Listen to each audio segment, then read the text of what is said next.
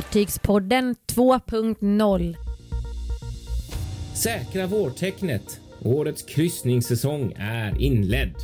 Shackletons polarfartyg hittad. Och nya Nils Holgersson är levererad.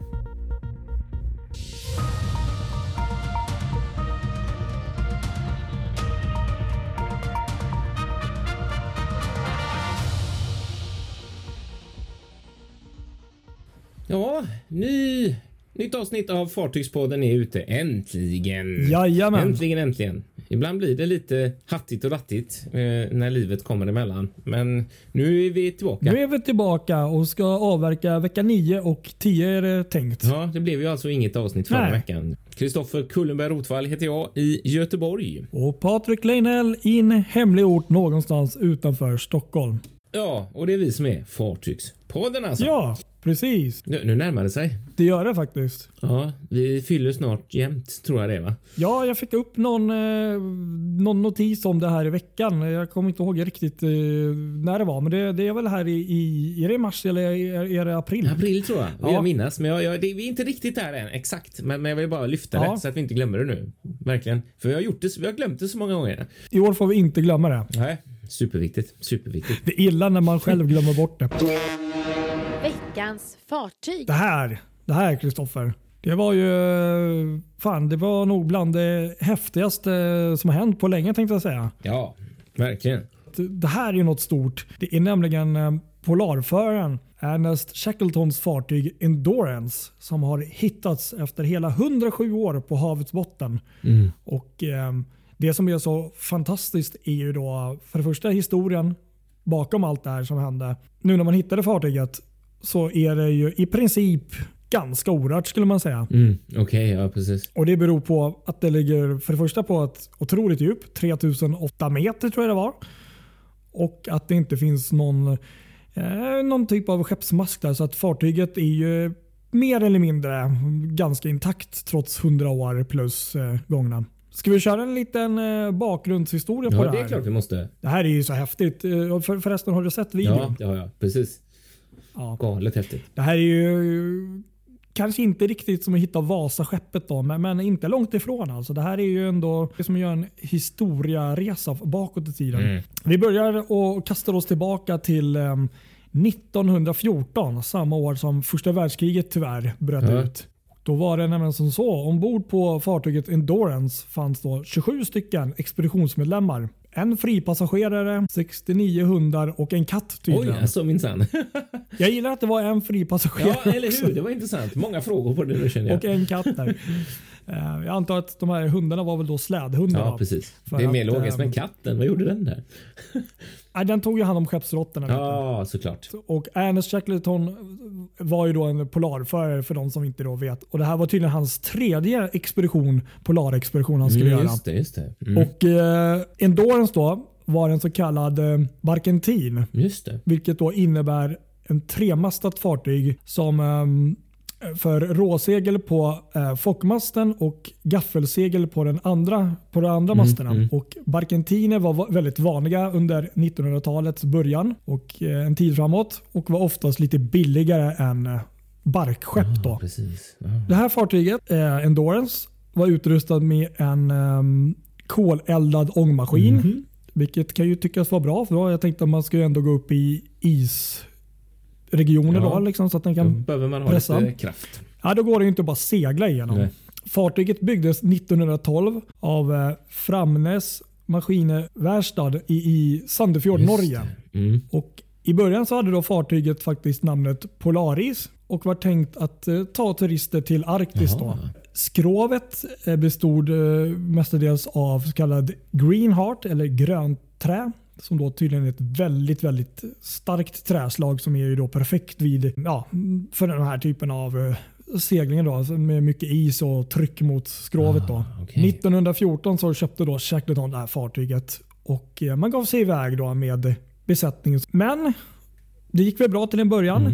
Men sen så i januari 1915 så fastnade Endurance i polarisen. Mm. Därifrån så kom man inte mycket längre med fartyget. Och där, men säkert så började fartyget gå sönder, liksom, mala sönder. Mm. Och, eh, samma år då, i november, det här alltså var i januari, men i november då, den 21 november så sjönk faktiskt fartyget. Det.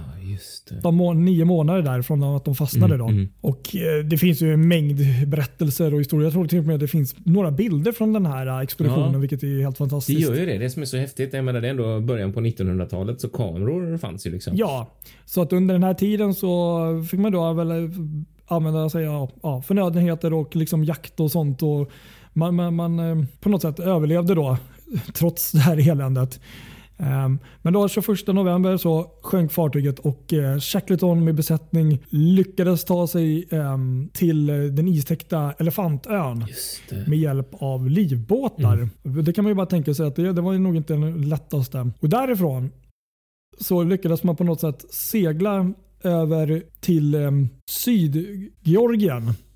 Det är en resa som tydligen tog 15 dagar Oj. Ja. och eh, räknas som en av de mest vad ska man säga, våghalsiga och eh, liksom bedrifter som har gjorts då till sjöss Mm. som, är, eh, som man har då, eh, skrivit om. Då. Ja. Man lyckades då när man kom i land där vid Sydgeorgien också ta sig över en bergskedja med 3000 meter höga berg. Oj. Ja. Tills man nådde en, en fiskeläger i Stromness tror jag det heter. Kunde få hjälp därifrån och sen i augusti 1916, det vill säga året därpå, så kunde då Ernest Shackleton återvända till Elefanten och eh, därifrån då kunde han då ta med sig och rädda resterande del av besättningen och ingen omkom tydligen. Ah, de, gjorde, de klarade sig och de var kvar där då? Aha, Ja, om jag, nu, nu blev det kanske lite hattigt där. Det, är- det är mycket historia här. Men, men det är ändå så här att eh, precis, jag tror man delade upp det på något sätt där. Och, sant. Mm. och så, så att, eh, man kan ju bara tänka sig hur det var där att på den tiden och inte minst liksom att kommer man överleva det här. Men en fantastisk ja, bedrift liksom. Mm. Galet häftigt. Men då hoppar vi tillbaka nu till nutid. Då. Ja. I lördags då så hittade man då det här fartyget på 3008 meters djup eh, i eh, Väddellhavet som är då nära Antarktiska oceanen. Då. Mm. Precis. Det var då bland annat en expedition då som man hållit på med under två veckor och eh, en isbrytare då från Sydafrika om jag inte minns fel som var inblandad. Och att man då hade så här havs, eh, så robotar, undervattensrobotar då, som undersökte bottnen där Mm. under två veckor. Och till slut så hittade man det här fartyget. Exakt. Och, eh, det, det, det är ju en världssensation. Den är, man, man har hittat porslin och eh, ankare och det, det mesta är ju ganska intakt trots 100 år gammalt. Eller Liksom. hur? Man har ju sett bilderna där. Det är helt, helt fantastiskt. Man tittar på ratten där på akterdäcket som ser helt ser jättefin ut. Liksom. Inte ens påverkad. Men det verkar ju bero på just det här vattenförhållandet. Kallt och så djupt liksom så att det inte... Mm. Och Mm. att det inte finns några eh, ja, skeppsmask där heller. Då. Nej, precis. Exakt, exakt. Jag menar, det var, vad var det? 3000 meters djup liksom så att det, det, det är inte så mycket som klarar sig där så att säga. Nej, och det är väl det som också var, när jag tänkte när vi hoppar tillbaka där till museet Vrak där som de berättade att det är väl det som har varit lite fördelar med vrak i Östersjön också. Att det, är oftast kallt och, och att det också är ingen skeppsmask där så att fartyg här i våra vatten har ju kunnat eh, klara sig betydligt bättre än på Ja, andra ställen i världen. Det är ju det som gör det så spännande liksom. Eh, kan ju bara tillägga då att fartyget är då skyddat av eh, Antarktis för, eh, fördraget vilket då innebär att man inte får göra några yttre påverkan. Så man får ju inte vad jag förstår då, plocka upp saker så eller Nej, ta upp fartyget liksom eller så. Den, utan den får ligga där och det ligger ju bäst där. man får eh, utforska som man har gjort nu. Ja, eller hur?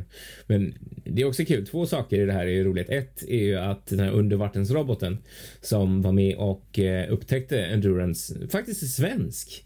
Eh, Ja, det är kul, det är häftigt. eh, Svensk, det är Saab som har, som har tillverkat de här robotarna som, som, som användes för att filma. De hade två stycken Sabertooth farkoster från Saab som, som bidrog till att Endurance kunde lokaliseras. Och sen får man också komma ihåg en annan spännande sak. Du vet Lindblad Expeditions, det här eh, Just det, just det. Kul. kryssningsrederiet som också har svenska rötter, svenska i allra högsta grad.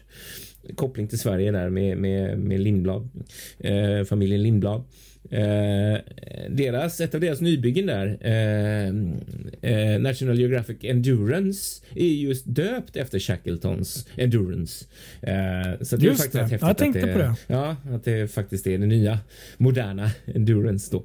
Så det måste blivit en stor grej för dem också, tänker jag, när det här fyndet blev, blev, eh, blev verklighet, om man nu ska säga. Ja, nej, så att det är fantastisk upptäckt tycker jag verkligen. Och, eh, jag tror vi kommer få mera svar framöver här också.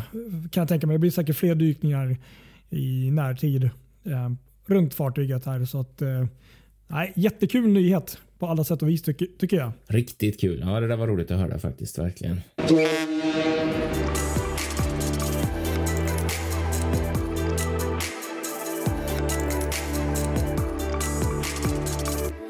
Fartygspoddens nyhetssnack. Ja, vi kan väl gå vidare då med lite nyheter och något annat riktigt roligt.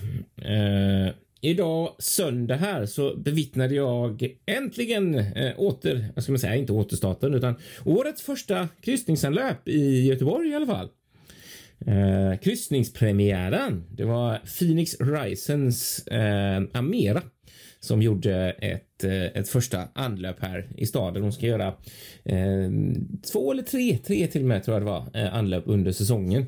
Eh, ett nu och så ett till i mars och ett lite senare. Eh, och det är ju lite eh, speciellt eh, fartyg som är byggt 1988 i Åbo. som Royal Viking Sun. Ja, och som eh, sen blev eh, del av eh, Cunard White Star Line hette de faktiskt då. 94 tror jag hon hamnade hos dem där under, under samma namn. Eh, innan hon sen blev, undrar om det inte var Seaborn Cruises också en stund. Eh, innan det blev Holland America Line där hon hette Prinsendam ja, det är ju det, eller hur? Precis, i alla fall i nutid och sen så vart det då Phoenix Rise när hon har varit ett antal år nu. Eh, och det var lite kul för, för kryssningssäsongen är ju egentligen, nu har vi ju kommit till det här läget att man inte riktigt lika tydligt kan prata om en given kryssningssäsong. För att det slutar liksom aldrig längre. Eh, utan det pågår år, hela året runt egentligen. Eh, för så har det ju verkligen i synnerhet varit i Stockholm. Eh, där ni har haft eh, Hanseatic Spirit under ett antal besök nu under februari, även i mars tror jag. Um, så det har ju liksom aldrig varit stopp egentligen och, och ibland så har ju vi julanlöp här i, i Göteborg också. Så det kommer farten på jul och så det blir lite kul säsong i år faktiskt i Göteborg här för att eh, i alla fall om man kommer kollar på hamnens eh, anlöpslista som de har lagt ut i Göteborgs hamn så är det 33 olika fartyg som kommer göra 57 anlöp i Göteborg. Och det är väl inte något rekord på något sätt men det som är roligt är att det är egentligen det är inget fartyg som är sådär kommer tio gånger utan det är väldigt många olika fartyg. Eh, eh, jag tror att det var den som kommer flest gånger. Det är faktiskt Ponant, den här Le de Monturville eh, som kommer fem gånger. Det är liksom, det är liksom flest, det fartyg som har flest anlöp. Så är det olika fartyg hela vägen. Det är faktiskt rätt roligt. Några lite speciella är det som kommer. Eh, Bolett kommer bland annat. Eh, det är lite kul. Nya Fred Olsens ny, nya sen de köpte från eh, mm, gamla Hall där. Det är väl Rotterdam tror jag. Eller jag kommer inte ihåg vilken av dem det är, men det är väl gamla Rotterdam tror jag. Det blir kul. Sen kommer Karneval första, för första gången till, till Göteborg också med Carnival Pride. Oh, det, var, det hade jag faktiskt helt glömt av eller missat. Det, det var ju riktigt häftigt. Ja, så det blir lite kul. Det har vi faktiskt aldrig haft i Stockholm här. Nej, jag vet. Carnival har ni aldrig det? Nej, det kanske är sant. Nej, det vågar jag nog vara ganska säker på att vi mm. inte haft. Ser man, ser man. Ja, så att det blir tufft. Och sen kommer... Ja, den, den blir ja, riktigt häftig. Sen kommer Island Princess. Har jag aldrig sett. Så att det blir kul att se faktiskt också i slutet av året. Eh, oktober där någon gång. Eh, hösten i alla fall. Och så har vi faktiskt Norwegian kommer också. Norwegian Star. Eh, inplanerad med två anlöp. Eh, och sen så kommer lite så här häftiga, eh, eh vad heter det? Eh, expeditionskryssningsfartyg också. Ocean Explorer bland annat. Och eh, World, World Voyager har varit där innan, men de är rätt häftiga. Uh, och Sea Venture finns det ett fartyg som heter också som kommer. Som är, det är några nybyggen där som är, är på. Och Ocean Odyssey, uh, ett annat sånt fartyg. Så det är lite kul. Det blir lite roliga anlöp. Ja, det, det låter ju lovande. Sen är väl det inte helt klart med alla anlöp kan jag tänka mig med tanke på att Sankt Petersburg numera är ju eh, ur leken åtminstone för i år i alla fall. Så att, eh, jag tror att eh, eh, det blir nog en hel del flera anlöp i, i, i Stockholm vet jag i alla fall att det kommer bli och även en del övernattningar som inte var tänkta Mm. från början. Så att, det kan nog ändras lite där. Att det kanske fylls på med några till fartyg kan jag tänka mig. Både i Göteborg och Ja, jag Stockholm. har haft utkik här och här i Göteborg verkar inte ha fått någon större effekt än. Eh, I alla fall inte i de, Okej. i de som man vet om där. Men, eh, eh, eller som är offentliga då. Men, men det kan hända att, att det kommer att ändras framöver. Det är ju inte alla rederier som har planerat sina alternativa rutter än. Jag vill minnas att ett rederi som jag kommer på så här rak arm att eh, jag tror Holland American Line har något fartyg som skulle komma till Stockholm och ha även någon övernattning nu på grund av eh, det här med Mm. Sankt Petersburg och så. Så att eh, det blir nog fler fartyg kanske också. Så att eh, ja, nej, det återstår att se här närmaste veckorna här vad som komma skall. Ja, men det gör det ju då. Men kul, grattis som sagt. Officiellt börjat eh, säsongen. Ja, här är det fantastiskt. 10 april då, Mm. som sagt. I Kul. Deutschland i Stockholm. Sen var det lite kul här också för nu har ju eh, TT Lines första Green Ship nybygge som de kallar det eh, blivit levererat. Nils Holgersson Just det. från eh, varvet eh, Jingzhou Jingling i Kina där och fartyget är faktiskt i detta nu på väg. Eh, har gett sig av på sin första lilla eh, del av hemresan som går via Singapore. Och sen går de vidare till Sri Lanka och så blir det efter Afrikas kust sen Suezkanalen eh, och ett stopp i Algerikas förbunkring där och så vidare via Skagen till Travemünde. Ja, men hon ser jättefin ut. Det, det, det jag har sett i, i bildmässigt, eh, eller han, eh, Nils Holgersson där. Blir nog väldigt Ja, bra. eller det där, hur? Det är kanske inte riktigt Viking Glory, men jag tänker ju ändå en modern transportfärja. Eh, som... Ja, ja, jo, men det är som sagt. Från, från det jag har sett så ser det ändå väldigt trevligt ut på, på, Ja, på sitt och jag sätt. gillar ändå många som ändå är väldigt kritiska mot det här eh, överbygget som de har gjort över bryggan där. Eh, men jag tycker ändå det är rätt tänkt Mm. för att här, här har man ju verkligen utnyttjat det här att man som vi tjatar om så ofta i podden att man vill kunna se förut och se vart man är på väg och sådär. Och om man ser på bilderna Mm. här så ser det också ut som att det är ett helt öppet däck som man kan gå runt där. Eh, och om det är så så Aha, hade det varit häftigt. jäkligt kul. Jag, jag håller alla mina tummar och tår att det, att det är så att man kan, man kan gå där. Ja, eh, vi rullar väl vidare här va? Det gör vi. Mm, med kryssningsfartyg igen. Ja, precis. Och då är det nämligen så här. Här är lite information då.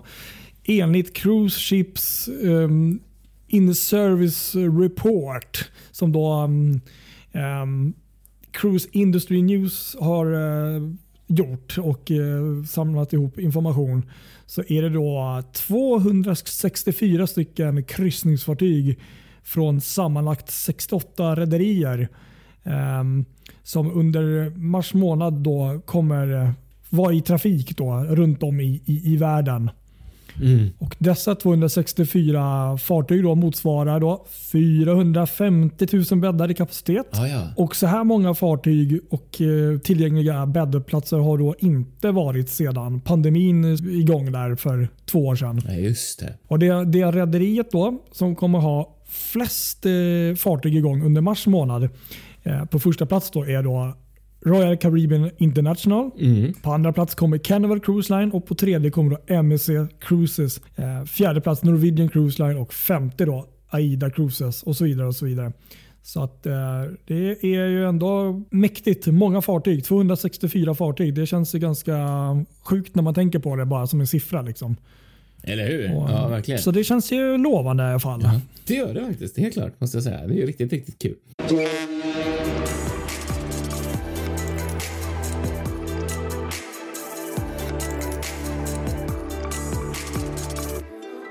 Fartygspodden noterar.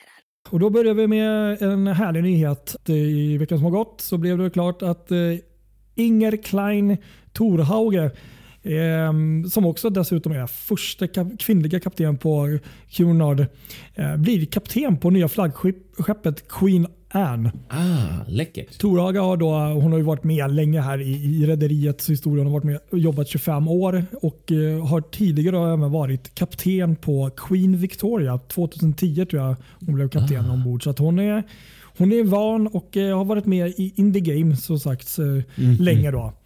Så att, eh, Riktigt ja, häftigt. Det var kul. Ja, det är roligt. Och nu kommer det lite siffror igen här då, som man blir lite knäsvag när man ser hur mycket det är. Och Det är också eh, Cruise Industry News som har gjort den här fantastiska sammanställningen. Och eh, I nuläget då, fram till år 2027 så är det 75 stycken kryssningsfartyg som ligger i orderboken. Bland annat så finns det då sex fartyg som levererats från 2021 som väntar på att komma igång i trafik och eh, ja, helt enkelt dra in pengar till rederierna. då. Eh, Kan vara något fartyg mer eller mindre nu då, eh, i och med att det är någon vecka sedan jag läste det här. Och, ehm, hittills i år har bland annat eh, jättkryssen Emerald Azora levererats. Och andra leveranser i år är bland annat Ocean Odyssey för Sunstone. Det är den som kommer till Göteborg nu. Just det. Vi har Ritz-Carltons fartyg Evirma. Och Vi har också bland annat Celebrity Beyond, Seaborn Venture och många, många fler. Mm. Ehm, Det som är lite häftigt här är ju då att de här 75 stycken fartygen då, som ligger i orderboken har då en medelstorlek med plats för 2356 passagerare. Medeltonnaget då, eh, volymen på de här fartygen då är då 99 138 bruttoton. Oj. Ja. Så det är ändå ganska stora fartyg med Mm, andra det är ord. väldigt stora fartyg. Ehm, och medelkostnaden på de här fartygen då är då 661,5 miljoner dollar. Medans, det här är ju så sjukt, den sammanlagda siffran för de här 75 fartygen eh, motsvarar då 49,6 miljarder dollar i byggnadskostnad. Oj, oj, oj. Och 176 722 nya bäddar blir det då av de här 72 nya fartygen som då är i order fram till 2027. Mm. Jesus. Det går inte att greppa de här siffrorna. Helt galet ju. Ganska sjuka siffror när man tänker på det. Intressant för den som är lite siffernörd. Då får man lite perspektiv på det här. Exakt, man får hålla, hålla koll på siffrorna där när man lyssnar. Så är det. Sen eh, var det ju en väldigt spännande eller häftig grej. Du har ju sett det här också på bild i veckan som gick. Mm. Eh, sju fartyg från Carnival Cruises möttes till havs. Just det. Det här är då eh, under pågående firande. Man firar ju hela året vad jag förstår i olika former och sådana här eh, hyllningsgratulationskryssningar då för att eh, rederiet fyller 50 år då. Mm. Så att det var utanför eh, eh, Cozumel där i Mexiko, tror jag det är bra. Eh, Ja, just det. Stämmer. Som Carnival Breeze, Carnival Ecstasy, Carnival Glory, Mardi Gras och Carnival Pride och Carnival Sunrise och sist men inte minst Carnival Vista möttes upp.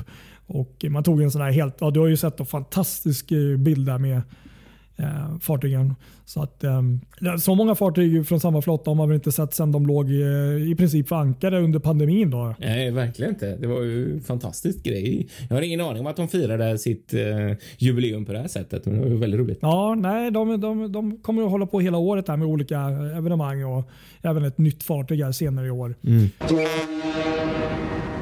Sen har det Costa Toscana gjort debut i Italien som då Ja.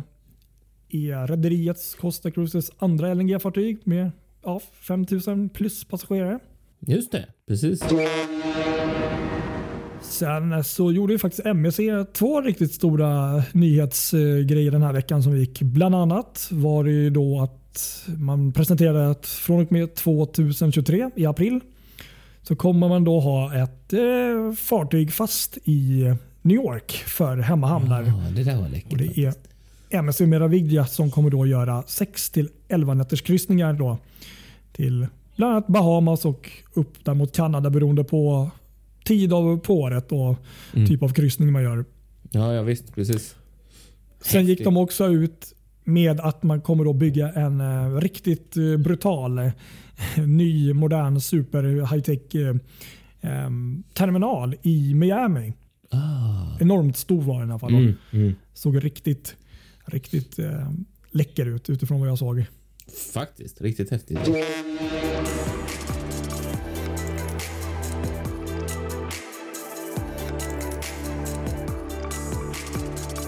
Gränslöst djupgående. Jag tänkte så här, kryssningar är, är ju lite tema eh, idag kanske och eh, eh, det här med att eh, äta på specialrestauranger tänkte jag på då.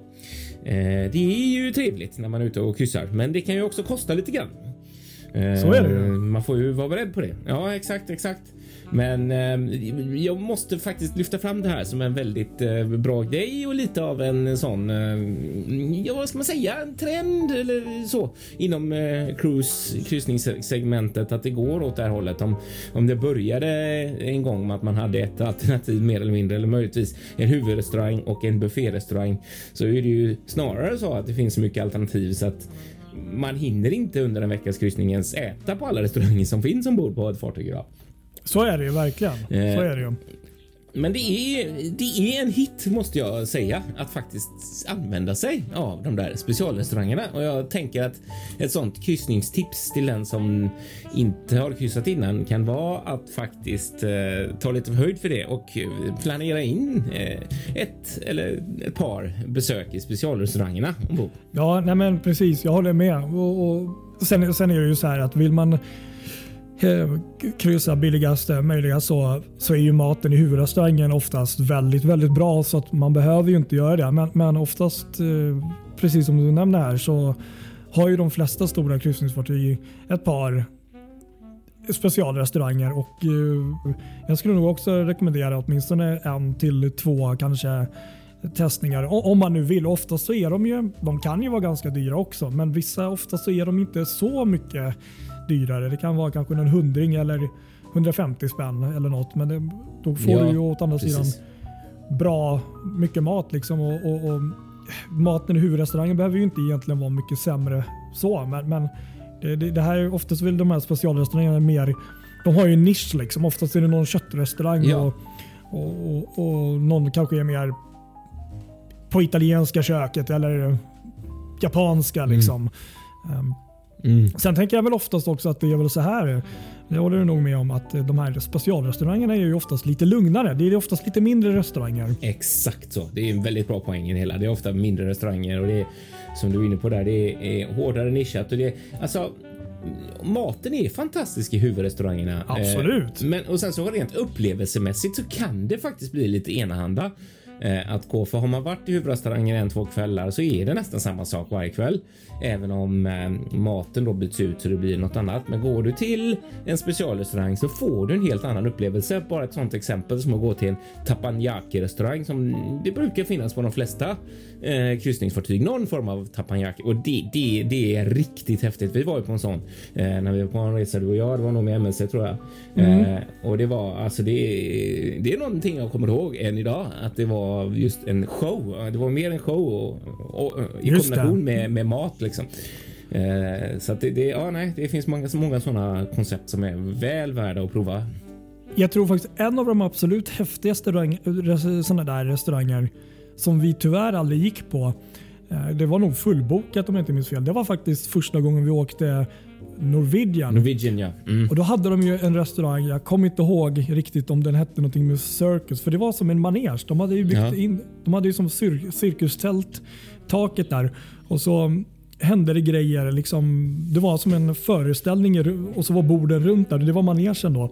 Ja, Jätteläckert Precis. inrett och ehm, som sagt, tyvärr vi, vi gick ju aldrig dit, eller det var fullbokat.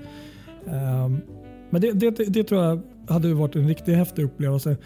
Sen ehm, minns jag nog också för att det var så brutalt. Det var också Norwegian där faktiskt. att eh, När vi åt på eh, Escape där, den här enorma köttbiten sista natten tror jag det ja var. eller hur? Det var en köttrestaurang vi gick till där. Precis. Och, och vi fick boka kött och eh, dricka. Det här är ju nu några år sedan, det är väl fyra fem år sedan snart. Men att eh, första gången man fick boka via en padda också, kommer jag ihåg, en iPad. Ja, det? exakt. Jag minns det. Jag minns det. Det var Ja. helt galet. Och det kändes helt sjukt då. Bara, oj, Då, det, ja. Precis. det kom en, liksom en, en, en kypare där och bara ah, här, varsågod, nu får ni beställa här. Och Så tog de den när vi var klara. Och sen så var det liksom, kändes så här modernt och enkelt och funkade bra. Liksom. Ja, jag kommer ihåg också det var första gången man såg en sån här vinlista på en padda. Liksom. Ja, visst. Eh, det har, aldrig, har man aldrig sett innan. Men Och hur det- mycket ja. du vill ha i glaset. Det var så här en fjärdedel, halva, flaska. Nej, men, eh, jag håller med där. Och, och jag kan också...